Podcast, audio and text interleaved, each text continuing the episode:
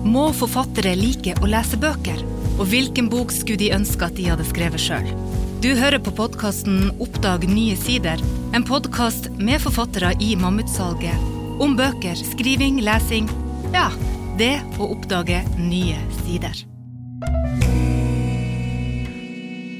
Velkommen, Trude Mostu og Gaute Grøtta Grav. Tusen takk.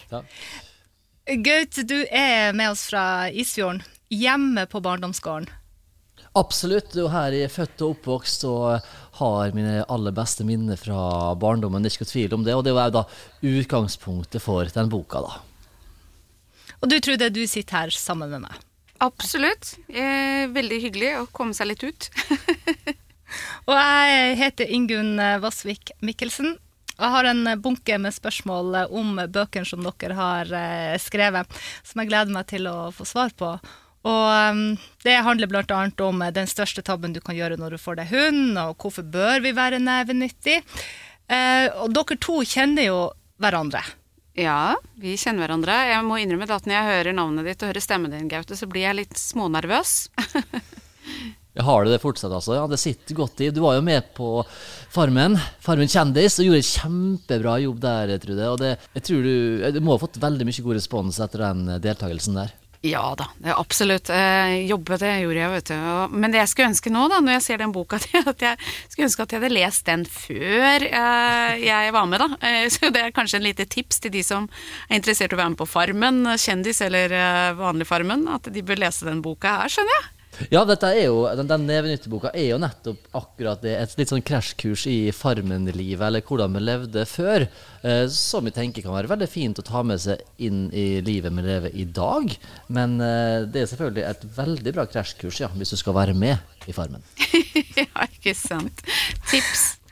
Trude, du er jo kjent som uh, vår alles uh, veterinær gjennom mange år. Og du har skrevet boka uh, 'Hund', dyrlegens håndbok. Hva slags hundebok er dette? Dette er en uh, nokså uh, altså Jeg skriver en kjedelig bok, men for meg så er det ikke kjedelig. Men var, jeg må innrømme at det var litt kjedelig å skrive den, for det er en ren medisinsk bok for dyreeierne. Jeg fikk så mange spørsmål, og det får jeg jo ennå, mange spørsmål fra dyreeiere, eh, hvor de spør meg om Ja, du, de ringer meg ofte på, liksom på lørdagskveld. Du, bikkja mi har oppkastet dere, hva bør jeg gjøre? Og så tenkte, til slutt så tenkte jeg at nei, du, dette her må jeg bare skrive en bok om. Eh, så jeg har faktisk skrevet en bok da, som har et eh, kapittel som heter Oppkast og diaré. Det er skikkelig sånn glamorøs bok. Men er det noe man trenger når man står hjemme og, og hun har det feil, så er det jo sånn, en sånn kort vei til informasjon om ja, det som er sikker, da. Ideen var akkurat det, at da har man et type oppslagsverk som er jo litt sånn utradisjonelt eh, nå til dags. De fleste googler seg jo gjennom forskjellige søkemotorer og finner diverse råd på forskjellige forum, men i hvert fall nå denne boken er jo skrevet av eh, av meg. Er, og jeg har jo vært veterinær i 20 år, så jeg har god erfaring med disse symptomene. Og det er en veldig kortfattet og grei bok, hvor du kan da eh, Den forteller deg da hva, hva kan du gjøre, hva kan dette komme av, og hva er faretegnene når du bør ringe veterinær. Og Gaute, din, eh, din, bok den heter altså 'Nevenyttig'. Um, og den, som du sa, den har utspring eh, i Isfjorden på din barndomsgård uh, der. Men hva er det vi, og, og, Farmen, men hva er det vi finner på de boksidene? Kan du si litt, litt mer om det? Ja, jeg har drevet på med Farmen-relaterte jobber holdt jeg på si, nesten i 20 år. I tillegg til at jeg var 20 år før jeg starta med det, så det er jo 40 år med kunnskap da, som skulle komme inn i ei bok.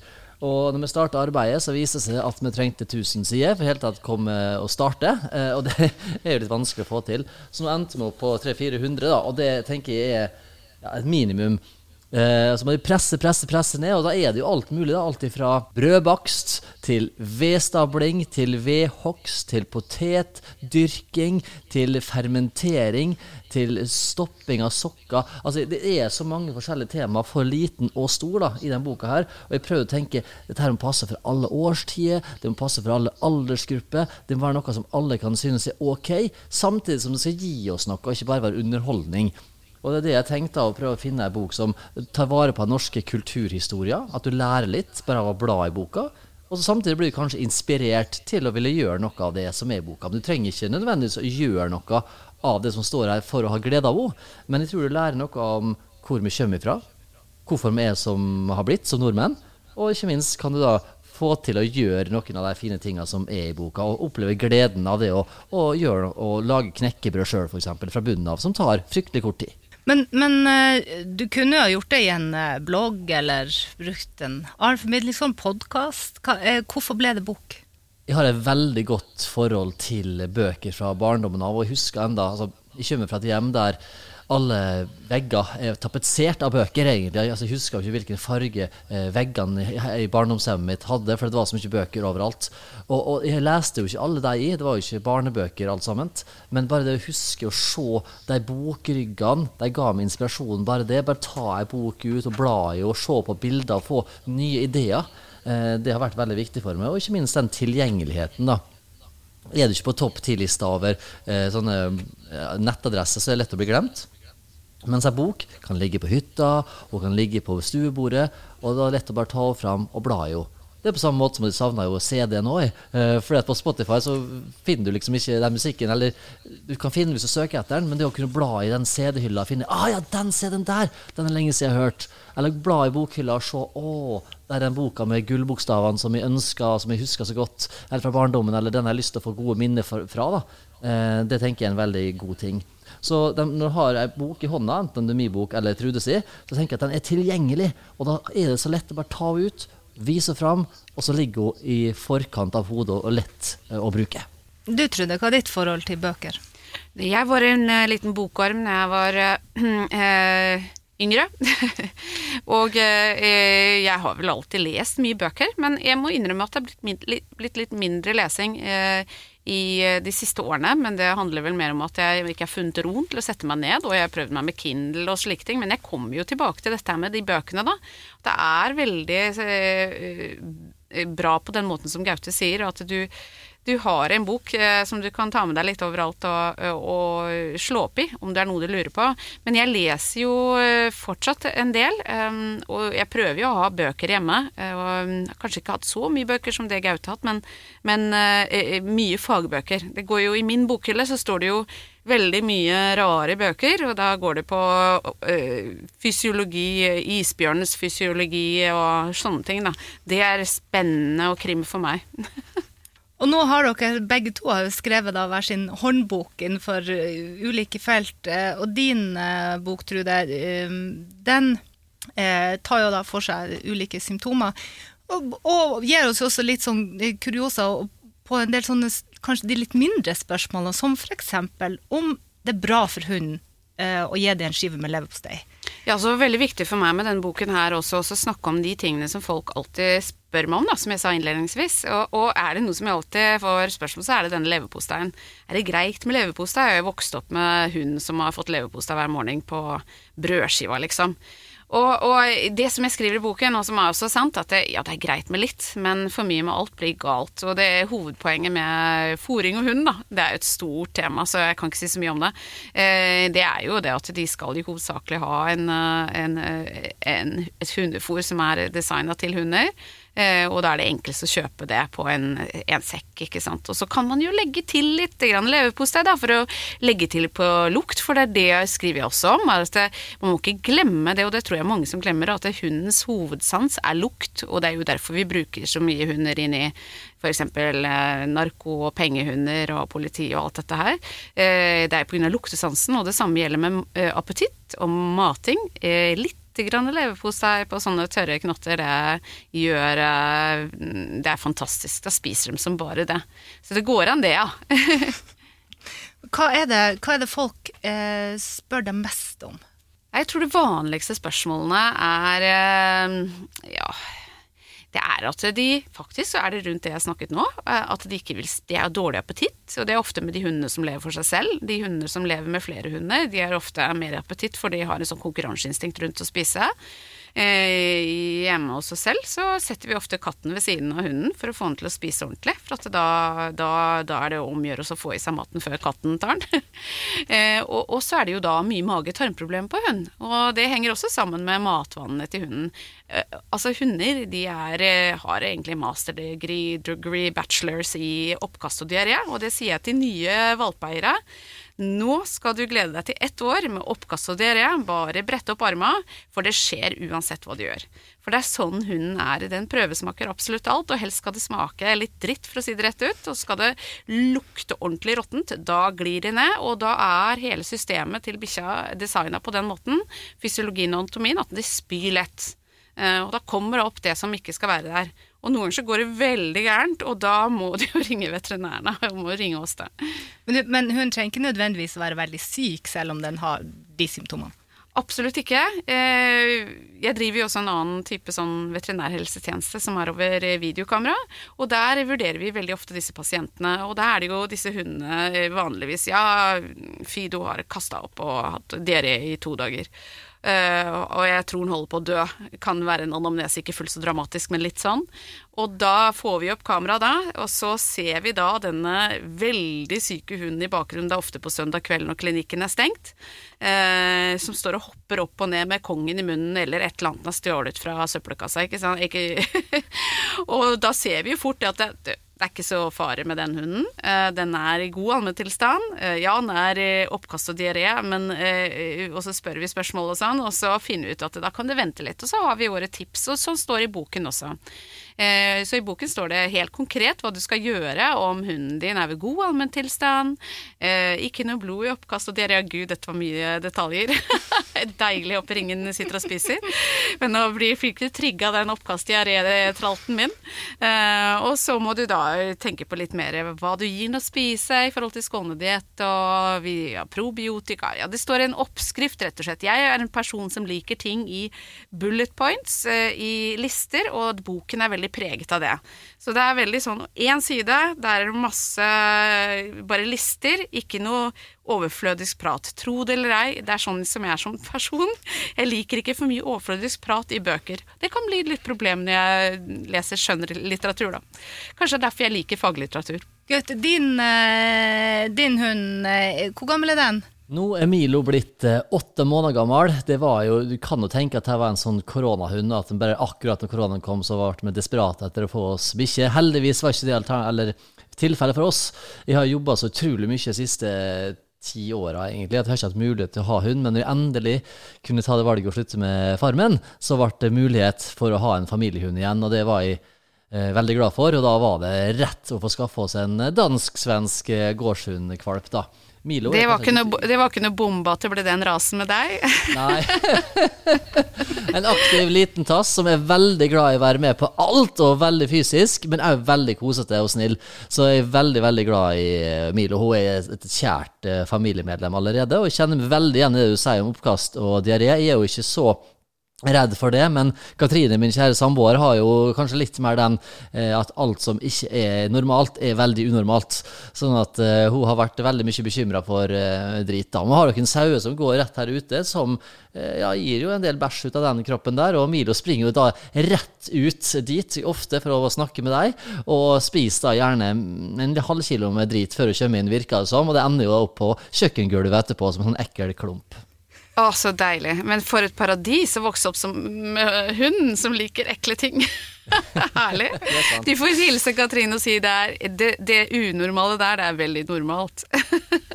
det skal jeg gjøre. Du var, du var, du var inne på det, Gaute. Det er, det er, jo veldig mange som får seg hund nå om dagen. I det spesielle året og den tida som vi, som vi er i. og ja, det er jo spesielt mange puddelblandinger, men, men også andre eh, typer. Hvor, hvor, bør man starte? De fleste bor jo ikke på gård som deg, Gaute. Det er jo og, sånn at du liksom har en veldig klar tanke om hva du trenger. Hva du tenker du om hva, hva bør man liksom ta tak i når man har bestemt seg for at man vil ha en hund? Ja, det jeg først må si, da, at det, er, det blir ofte snakket litt negativt om at alle skal nå seg hund, men det som gleder meg da, er at folk nå har skjønt det at det, det man trenger mest av når man øh, skal ha hund, og det er noe som jeg har mast om i alle år, og jeg har liksom ikke trodd at folk hører meg, eh, men man må ha tid. Så det er tydelig at folk har mer tid, de har hjemmekontor, og eh, da er det jo dette hundeønsket som eh, kommer.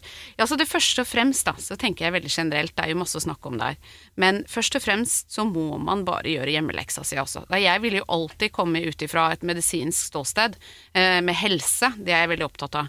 Det er mange forskjellige typer hunder å velge mellom. Renrasede, blandinger. Eh, det er eh, vanskelig for en som ikke har tenkt seg ordentlig godt om, og så velge det som er rett for en. Og man kan ende opp med et bomkjøp og i verste fall et, en valp eller en hund som blir syk. Jeg tror det viktigste er å sette seg inn i Eh, først og fremst gå gjennom de renrasede, kanskje. For at det er klart, når du snakker renrase, så er det mer Altså, du, du, har jo et bedre utgangspunkt til å vite hva du kjøper. Det er litt som du kjøper en Skoda i forhold til en Porsche. Eh, du kjøper en Labrador i forhold til en uh, Setter. Eh, du vet at det er forskjell på temperament og speed. Det var en veldig bra sammenligning, syns jeg. Jeg syns jeg fortjener nesten litt sånn kudos for den. Uh, men det er virkelig sånn med hunder også. Uh, for at de har forskjellig speed og temperament og behov uh, i forhold til hvilken rase det er. Og når man har satt seg inn i alle de renrasede, så kan man kanskje begynne å tenke på å se på hva som er på markedet. Og så er det kanskje noen blandingshunder, men da må man bare tenke gjennom to ting. Da kan det være uberegnelig hva man får av temperament, hva man får av sykdom, hvis man ikke har vært veldig flink til å spørre de rette spørsmålene. Så det endelige rådet mitt vil alltid være, fra et helseperspektiv, da, hvis du har gått gjennom dette med temperament og størrelse og instinktene til den rasen, eh, masse forskjellige ting å ta der. Jeg vil jo aldri anbefale en, en småbarnsfamilie som liksom kanskje ikke, bor på landet, sånn som på Gaute. Jeg ville aldri egentlig anbefalt de en høyaktiv jakthund, fordi de har vokst opp med det, liksom.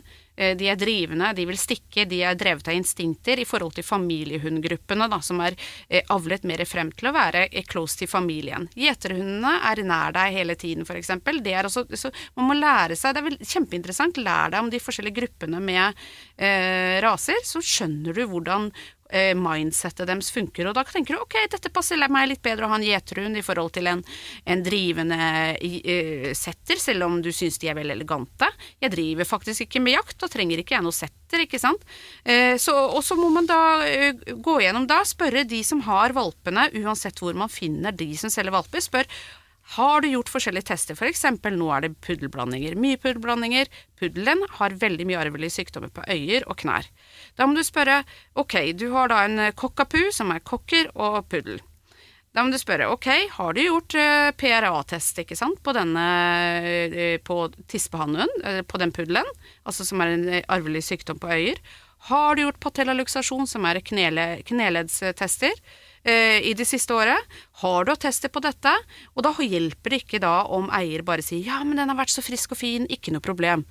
Man må ikke være naiv rundt sånne ting, for plutselig så sitter du der og har kjøpt katta i sekken. Det er litt upassende uttrykk når vi snakker om valper. Da har du kjøpt katta i sekken, og du ender opp med en valp som trenger en kneoperasjon til 50 000 pluss, eh, og kanskje i verste fall blir blind. Og da har du kjøpt en valp for 25 000, det er en puddelblanding, og da har de du eh, har kjøpt eh, Eller du har ikke gjort hjemmeleksa di ordentlig, da, og spurt de rette spørsmålene. Spør spørsmål om helse helst fra mange ledd bakover. Da blir jeg glad.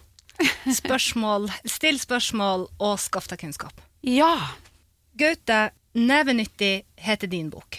Uh, og det står jo veldig høyt i kurs blant nordmenn å være nevenyttig. Hva um, er årsaken til at du mener at vi bør fylle fritida vår med å holde på med gamle håndverk? Jeg trenger ikke fylle fritida vår med gamle håndverk, for jeg syns det er veldig fint å leve i 2020, og enda bedre i 2019, enda, og forhåpentligvis enda bedre i 2021, når vi er ferdig med denne forferdelige tida her. Men det som er fint, er å kunne av og til sette pris på det lille og det nære, og det som faktisk trenger litt tid. Ikke bare alltid kjøpe det som går raskt, og, og kaste det som ikke funker. For idet du setter ned og bruker tid på ting, så betyr det mer for deg. Brødet du baker sjøl, smaker best. Knekkebrødet du baker sjøl, smaker bedre. Eh, den sokken du gidder å stoppe, vil du ta bedre vare på enn den som du bare kaster og kjøper en ny. Og det er én ting for oss voksne at vi gjør det, men jeg tenker det er kjempeviktig for unger som nå vokser opp inni TikTok og Snapchat, at de faktisk skjønner hva ordentlige ting er, og at ting tar tid. Eh, bare det å sette potet på våren og måtte vente helt til høsten virka som eh, en evighet og, litt til for eh, ungdommer og unger i dag. Men det tar ikke lang tid å sette poteten, det tar bare lang tid å få den fram. Nesten som en graviditet å få sette potet sånn sett. Det er ikke mange ganger du må innom og sjekke den, men bare det å se at ting tar tid for å utvikle seg, tror jeg er en stor verdi. Samme med den eh, kunnskapen fra voksen til barn. Altså Vi kan jobbe sammen, og det er ikke bare ungene som holder på å få og voksen holder på å få men at vi faktisk gjør ting i lag, tror jeg har en kjempeverdi da, eh, for både utdannelse eller, sånn, at, eller hva skal kalle oppdragelse. At en får mye verdioverføring mellom generasjonene på den måten. Ikke at en setter seg ned man skal snakke om gamle dager, men bare å sitte og jobbe sammen. Jeg tror det gir så mye rom for gode samtaler, eh, litt artig historie, og òg da overføring av kunnskap, kanskje begge veier. Vi ser det veldig mange unger som er veldig flinke å tegne, f.eks., og da kan vi hjelpe eldre på det når de skal gjøre, gjøre forskjellige ting som er fra boka mi. da. Du Trude, eh, håndverk, har du noe som du holder på med hjemme som ikke handler om dyr? Ja, altså, jeg er, så, jeg er, en av de jeg vet, Eller jeg kanskje, ikke kanskje det er bare meg i hele verden som begynner på å strikke genser og sånn. Jeg kommer til Bord, jeg har masse border som ligger hjemme, og jeg har veldig mye ambisjoner, kjøper mye dyrt garn, men jeg kommer jo aldri så langt som å bli ferdig. Dessverre. Men eh, jeg vokste opp med en mamma som sydde masse klær, eh, så jeg har også vokst opp med veldig mye sånn håndverk. Eh, det var kanskje litt av inspirasjonen min til å bli kirurg. Var jo å, for jeg var så flink til å sy, så jeg sydde jo mye klær opp til jeg var rundt 20. Og da var det litt sånn at jeg gikk ikke i butikken faktisk med og kjøpte meg en ny kjole. Jeg bare tenkte ok, gå på stoffbutikken, sy en kjole. Eller jeg ville gå og kjøpe noe brukt, og så ville jeg sy det om. Så jeg elsker jo den trenden til Jenny Skavlan hvor man syr om gammelt. Det er jo også vokst opp med en mamma som gjør det hele tiden. Hun parterer og syr om og er den mest lekreste dama på byen. Eh, så jeg er absolutt eh, noen som er vant med håndverk, eh, men det er mer på syplanet, da. Og da, ja, så har jeg videreført det inn i mitt yrke. og stå og sy, sy fine korsting på hunder og katter. Gaute, har du noe sånn favoritthåndverk som liksom er ditt, ja, din sånn nummer én? Å, det er mange ting. Altså, jeg ser jo veldig opp til knivsmeder, f.eks. Jeg har vært med og smidd kniv, og det er jo et fantastisk prosjekt i seg sjøl. At det først går inn i smia og smid knivbladet, så må du finne et godt trestykke og prøve å få det til, og få det til å sitte sammen. Kanskje putte inn litt lær eller bein, og så lage slirer. Altså, det er jo tre store prosjekt eh, som jeg ikke mestra, men som jeg sammen med en kyndig person får til helt ok og får til fine ting. da. Det er jo et stort prosjekt som krever litt mer enn bare å åpne en bok og gjøre det. Eh, men jeg er jo veldig glad i det grove håndarbeidet, da, kanskje til daglig. Det å faktisk gå ut og hogge ved. Det høres jo veldig banalt ut, men det å bare få en haug med eh, vedkubber som skal bli til fin ved, stå der med øksa og hogge og stable det opp. For min del så er det bedre enn yoga. altså Sitte der og lar tankene gå, hodet jobber mens kroppen bare gjør ting automatisk. Og når jeg er ferdig med det, så har jeg plutselig kanskje løst to-tre problemer og fått en ny idé. Fordi at du bare lot kroppen jobbe automatisk, og, og hjernen bare da får litt fri til å tenke sjøl. Og så er det jo sånn at i boka di så har du jo i tillegg til alle gode råd og tips om hvordan vi kan lære oss uh, disse gamle håndverkene, så er, bygger du den ut med personlige fortellinger og anekdoter fra hundre og, hundrevis av år tilbake i tid. Blant annet en liksom morsom sak om stang i vegg. Må aldri glemme stanga i veggen. Altså, Dette snakker vi om uh, do. Uh, hvordan folk gikk på do i gamle dager. For da var det altså, men var grisete folk i ferd. Altså, det tok lang tid før kultur og, og folkeskikk kom til Norge. I starten så satt vi altså dreit i grisebingen, og knapt nok gadd å gjøre det. Vi løfta opp skjørtet og satte oss ned og, og, gjorde vårt fornødne. Eh, men, men, det var jo et problem da når det kom tilreisende forbi og, og, skulle gjøre dette her. Samme, så var det et problem at grisen kunne komme og bite spesielt menn da, i pungen. Eh, og det var jo smertefullt. Så det, det, kom en lov faktisk i Norge om at stanga, den bæsjestanga, for det var en pinne som stakk ut av eh, veggen, som du satt på eh, når du skulle gjøre ditt fornødne. Og den pinnen måtte være et visst antall centimeter over bakken. For var det under det målet, så kunne den reisende saksøke det for å bli bitt i pungen. Hvis pinnen var høyt nok, så var det ikke bonden sitt ansvar lenger. Da måtte du sjøl være ansvarlig for at ikke grisen kunne komme og nappe det litt i testiklene. Oi. Det er jo en fantastisk historie. Ja, den, jeg skal lese den boka med en gang. Fantastisk! Det var en knallbra historie. Ja, vi har så mye rare ting som skjedde i landet vårt, og både av, av positive ting og negative ting. For eksempel sånn som bestemora mi. Hun var jo fire år da mora hennes var gravid for andre gang. Dette her er jo nesten 100 år sia. Eh, og da Eh, fikk beste, altså Oldemora mi fikk da lungebetennelse og døde eh, med det barnet i magen. Eh, det var jo veldig, veldig trist. Og den lungebetennelsen eh, hadde hun overlevd av noen få år senere. For da ble penicillinen oppdaga året etter. Der ser du. Det er jo liksom historien, den store historien som griper inn i, inn i hverdagen til folk. Vi eh, skal bevege oss litt videre og inn i mammutsalgets eh, område. Vi har en fast spalte her i Oppdage nye sider eh, som vi har kalt for Noen kjappe. Det tar utgangspunkt i boklista til Mammutsalget. og Dere skal raskt svare på spørsmål og så ha en liten begrunnelse. Høres det ok ut? Absolutt. Da kjører vi. Trude, boka du må sikre deg. Eh, Du kan ikke bare spørre boka jeg må sikre meg. Jeg har mange. Jeg må sikre meg igjen. Og det er eh, 'Kattens hemmelige språk' av Susanne Schjøtz. Fordi eh, jeg føler at katteatferd er veldig interessant og veldig mystisk. Gaute, boka du må sikre deg. Ja, da tar jeg sauebondens liv fra eh, engelske landskapet, og se hvordan sauebønder har det der i forhold til nordmenn. Det tror jeg er veldig spennende. Jeg ser for meg at det er litt sånn, eh, sånn som vedboka, men med sau. Forfatteren du alltid kommer tilbake til, Trude. Unni Lindell. Hvorfor? Unni Lindell syns jeg eh, skriver veldig bra. Jeg har en liten sånn eh, forkjærlighet for eh, krimbøker, og jeg liker de som har en intrikat plott. Så det er det eneste jeg leser i tillegg til faglitteratur. Det er Unni. Gaute, forfatteren du alltid kommer tilbake til. Jeg kommer ikke unna Erlend Loe, altså. Han eh, kom inn i livet mitt eh, da jeg var sånn 14-15 år, og med et brak. Eh, og så har jeg kommet tilbake til bøkene hans i voksen alder og lest dem på nytt, og opplevd noe helt annet. Eh, det er veldig spesielt det, altså, hvordan han leser bøker på én måte når han er sånn 14-15 år, og får mye ut av det.